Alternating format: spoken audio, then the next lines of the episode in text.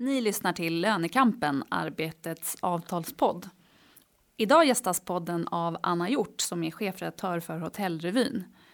Och vi ska bland annat prata om det strejkvarsel som HRF har utlyst till den 19 april på många hotell runt om i Sverige. God lyssning!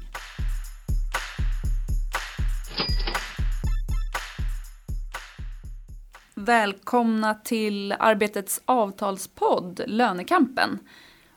Och eh, ni lyssnar till mig, Linda Flod, som jobbar på Arbetet. Och jag sitter här idag med eh, en gäst, Anna Hjort, som är chefredaktör på Hotellrevyn. Hej hej!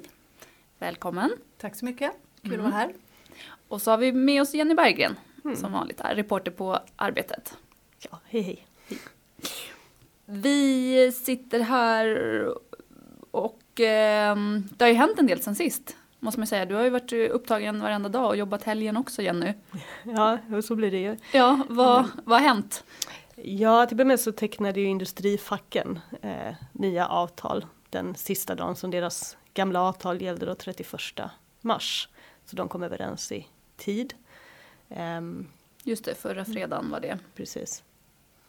Och vad kom de överens om då? Ja, det, det som alla är överens om att de har kommit överens om så att säga eh, nu i efterhand är att det är avtal som eh, har ett värde på 6,5 procent på tre år. Och industrin då har man valt att använda 6 av de procenten till löneökningar och den sista halva procenten till ökade avsättningar till deltidspension. Och där kan ju olika förbund eh, i olika branscher göra på olika sätt då, men det är ett avtalsvärde att eh, som övriga väntas följa på 6,5. Och det, i övrigt är det inga större villkorsändringar i industrins avtal utan det är ganska rena avtal som handlar om pengar och pension. Men den här eh, 6,5, var det en nivå man kunde förvänta sig på förhand? Eller, hur? eller vad säger experterna nu i Ja. efterhand? Ja, vi har ju pratat med bland andra bedömare på Konjunkturinstitutet och Nordea och de säger att de tror att reallönerna i alla fall kommer att öka åtminstone de första två av de här tre åren. Eh, Men den senioranalytiker på Nordea som vi pratar med beskriver uppgörelsen som återhållsam. Eh, Och tidigare så har vi också rapporterat om att det finns liksom en spänning i det här med att den exportberoende industrin sätter eh, märket och att det samtidigt finns hemmamarknader som byggsektorn till exempel som kanske skulle kunna klara högre ökningar. Då får man ju se hur den, ja, om, om den spänningen eh, består. Så att säga. Mm. Måste ju bara säga att Jenny och jag är ju experterna här på redaktionen för vi hade en intern tippning, man skulle tippa hur många procent det skulle landa på. Och där tippade vi båda 6,5. Mm. Mm. Snyggt jobbat Ja. får man väl säga då. vad, vad, vad, vad, trodde du någonting på förhand, Anna? Eller? Det kan jag inte riktigt säga att jag trodde men alltså det lå- låter väl som att det blev ett ganska rimligt eh, avtal. Mm. En ganska rimlig nivå. Ehm, och nu har då, alltså industrin har kommit överens och handeln också då efter det här. Ja precis, dagen Mm. efter så tecknade också de avtal för deras gamla avtal gick, gick också ut då den sista mars. Och de, de pratar liksom aldrig i procent när de uppger sina löneökningar. Men de har kommit överens om att deras löner ska öka 1575 kronor på, sammanlagt på tre år. Och en eh, ökad avsättning till pensionen på 0,6 procent. Och, de, eh, och det ska ligga då, eh, följa industrins eh, nivå. Har de gjort mer ändringar då i, än industrin i sina övriga villkor eller hur? Det har de gjort. De har gjort eh, kraftiga ändringar. Bland annat kommer eh, nuvarande partihandels och postorderavtalen att ersättas av ett helt nytt avtal på sikt som heter lager och e-handelsavtalet. Och där har man gjort stora förändringar bland annat när det gäller arbetstider där arbetsgivarna kommer få mycket större frihet centralt reglerad att lägga ut scheman över större del av dygnet. Mm. Vad säger facket om det då? De vill också ha mer centralt eh, reglerat vad jag förstått för att de upplever att det blev för stora skillnader i villkoren mellan olika lokala avtal. Sen fanns det väl en oro liksom för vad det man skulle få betalt för det från facket och att man skulle få inflytande och så. Men de säger nu från Handels att de har byggt in liksom spärrar i det här som handlar om eh, att det, inte ska leda till att eh, anställda får försämrade villkor och att man har en särskild förhandlingsordning där bemanningen ska förhandlas innan den bestäms och så. Det finns ju sen då, anledningen till att vi bjöd in dig Anna är ju för att det är en liten, mm, en bomb i det här som, eh, som eh, är om eh, det verkligen kan bli alltså 6,5 för alla eh, eller inte. Om det ska bli 6,5 för alla ja. kan man säga. Det, det ska bli det. Nej, eller, nej, det beror du på vem ja. du pratar med. Ja. Alltså, för, eh. men, men i och för sig 6,5 är det som gäller men eh, det jag ska komma till varför vi har bjudit in Anna handlar inte bara om enbart 6,5 det handlar ju om att man eh, eh, att man vill ändra andra villkor eh, och att HRF då eh, nu eh, har gått ut med ett varsel eh, för senare. Men om vi, vi går tillbaka till det här med 6,5 då eftersom mm. jag eh, gick steget före. Så varför, alltså kommer det bli så eller kan det variera? Så det som LO menar att man har kommit överens om med industrin och med handeln mm. är att det, det, finns ett värde på 6,5 men sen har man också en låglönesatsning som LO har drivit krav på hela vägen som går ut på att man ska få eh, man ställer krav på extra pengar från arbetsgivaren för alla löner som ligger under 24 000. Eh, och där menar då LO att det här ska ligga ovanpå de 6,5 procenten. Det är en satsning på de sektorer och företag med, med lägst löner som inte ska, som ska komma utöver det gemensamma på 6,5. Mm. Och det menar man då att man har gjort och i, i industrin säger man att våra avtal är rena, liksom, vi har inte bytt något annat mot det här utan det är, det är det här vi har fått. Så blir det inte så stor skillnad hos dem för det är inte så många som tjänar under 24 000. Eh, I handeln så säger Handels att de har, där pratar de i krontal så det är liksom svårt att titta exakt men, men facket säger att när de har räknat fram sina krontal då har de tillämpat den här principen att man ska få extra för de lönerna under 24 och man har inte bytt några andra villkor emot det. Eh, men från arbetsgivarhåll så menar man att det här ska rymmas inom de 6,5 och att det finns inget märke som ger någonting över 6,5 mm. eh, och att på, på Svensk Handel då till exempel säger man att det är ett givande och ett tagande liksom men totalen landar inom det här. Um, och det, ja, det, Men visst var det så att det, att, det blev, att det visade sig väldigt snabbt redan i fredags när industriavtalet var tecknat att, att det fanns olika syn att se på det där från arbetsgivarhåll och från fackets sida. Jag pratade ju dels med Veli-Pekka Seikele som är eh, avtalssekreterare på IF Metall och dels med Anders eh, Weje på Teknikföretagen där på presskonferensen och presenterade och de gav ju olika bild mm. redan då vad, vad märket var för någonting. Men hur kan man vara så otydlig då? Varför kunde de inte ha... Eller ja, igen omöjlig svar, äh, omöjlig fråga, men jag tänker det var ju mycket otydlighet i förra avtalsrörelsen också just i kommunal till exempel med eh, undersköterskorna. Liksom hur titeln skulle tolkas och så. Det har ju varit prat om hela, liksom, hela fjolåret efter eh, den avtalsrörelsen. Men eh, så jag tänker då kommer det här fortsätta säkert de här otydligheterna. för det är ju fler som följer nu, fler avtal som ska, eh, att otydligheten Alltså jag tänker när det gäller industrin är de ganska överens om vad de i sak har kommit överens om för sin mm. egen del. Frågan är vad det ska betyda för märkesättningen för övriga förbund. Mm. Det som händer inom handeln tror jag är liksom något som ändå har hänt, man känner igen från tidigare avtalsrörelser att facket hävdar att man har fått något extra och eh, arbetsgivarsidan hävdar att facket har betalat för det här och det är liksom omöjligt att kontrollera det. Då ska, mm. ska man liksom värdera sånt som kanske eh, schemaläggning och så. Mm. Um, men hotell och restaurangfacket nu då, de hävdar ju att de inte kommer få något extra. Eh, utöver, eller de, de, är, Anna, de, är, de, är, de, är, oen, de är oeniga. Eh, det är ju därför som eh, hotell och restaurangfacket har varslat nu eh, mm. om strejk. Eh, för där kommer man inte överens om framförallt om hur man ska tolka det här och hur den här låglönesatsningen ska, ska beräknas. Där Visita, då, arbetsgivarorganisationen, hävdar att det ska se ut på ett visst sätt, alltså att det, allting ska rymmas inom de 6,5 procenten.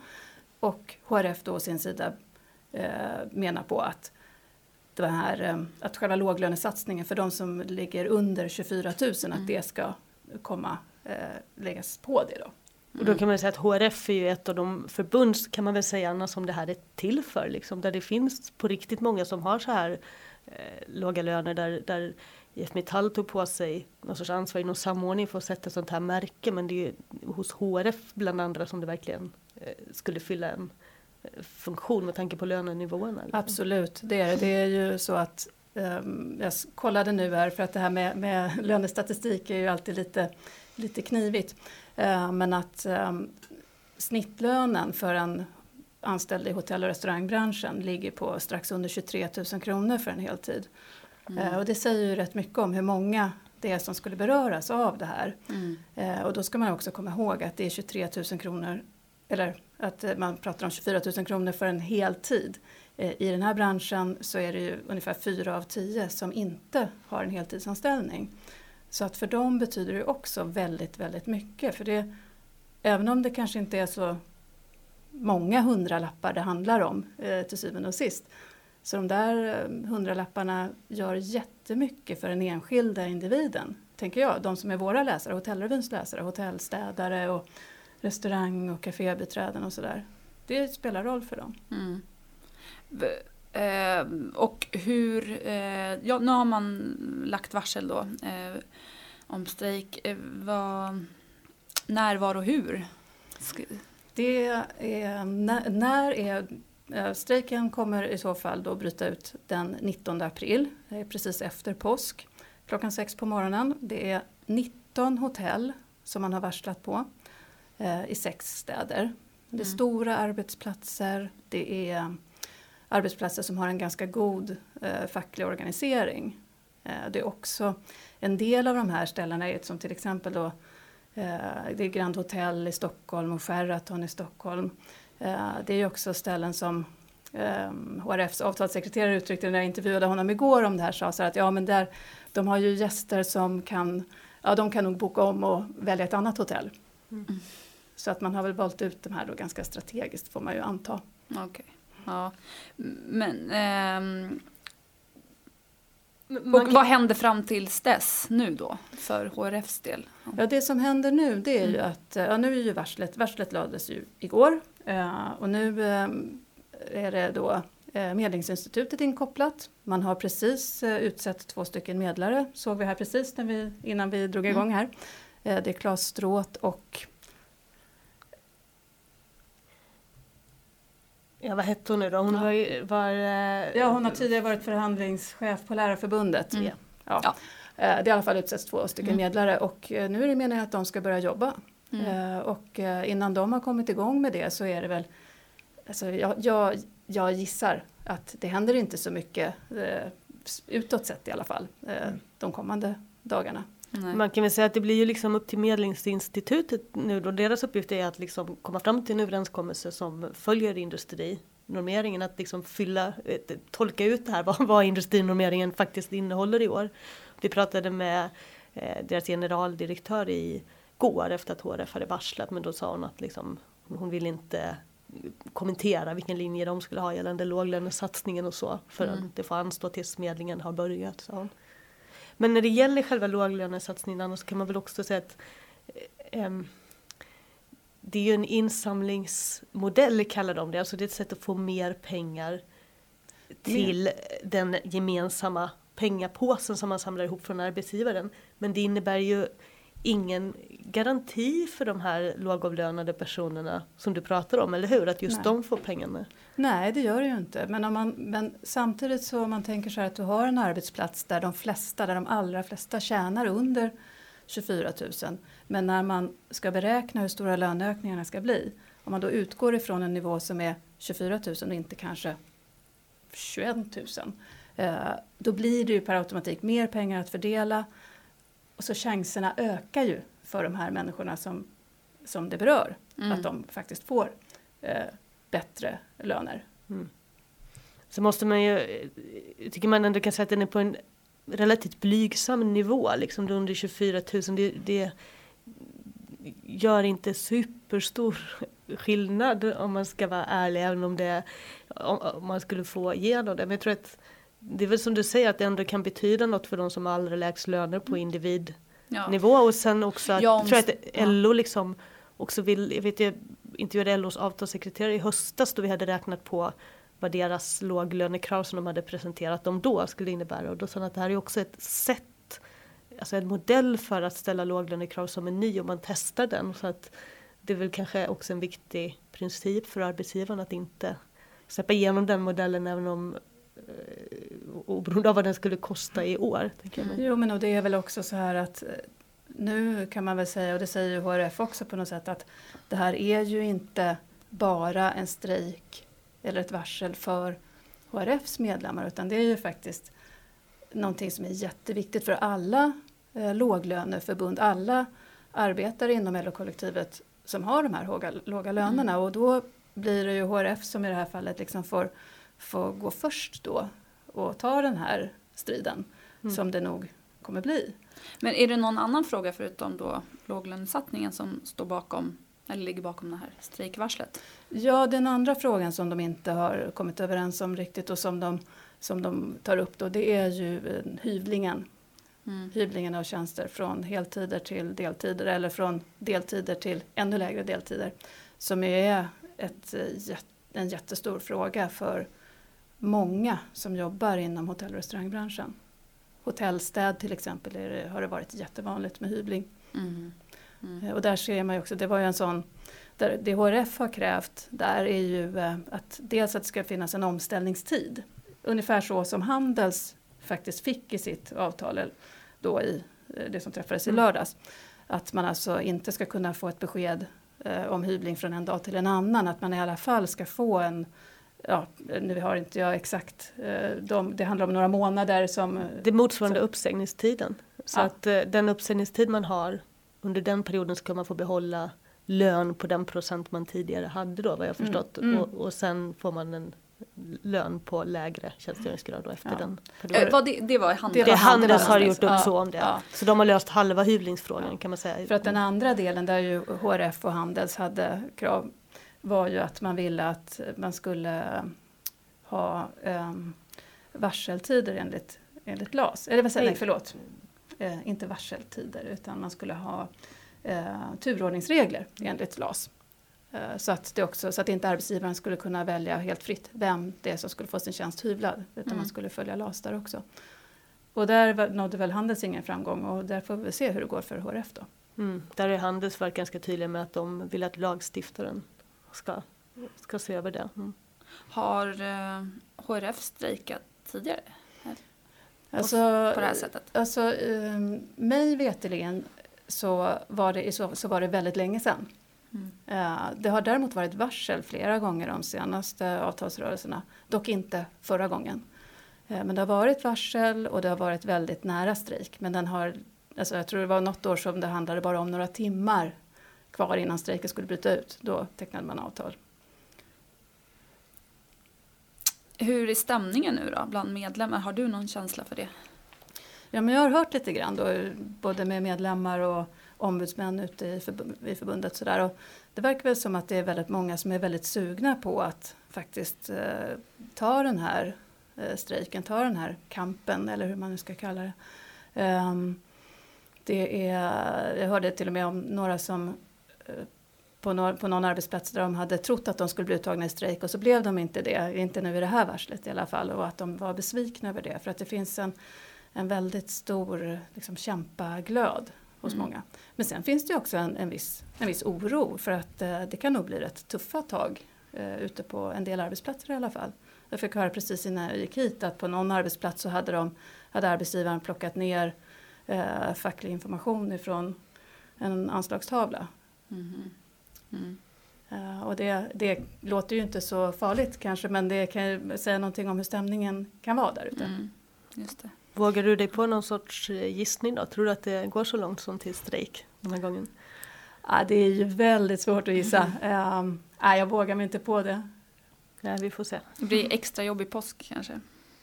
Ja, Eller? det kanske det blir. Uh, I alla fall så måste man ju hålla sig uh, ja. ajour. Mm. Just det. det var jätteroligt att du kunde komma idag Anna. Eh, och eh, vi kommer självklart att fortsätta uppmärksamma eh, vad som händer inom HRF eh, kommande veckor och innan 19 april då alltså man har utlyst här, eh, strejk. Eh, och ehm, tills dess så kommer vi såklart bevaka övriga avtal också här på Arbetets redaktion. Eh, vad väntar, kommer du få lite mer ledigt nu Jenny eller, nej, har, har, eller kommer du fortsätta blåsa?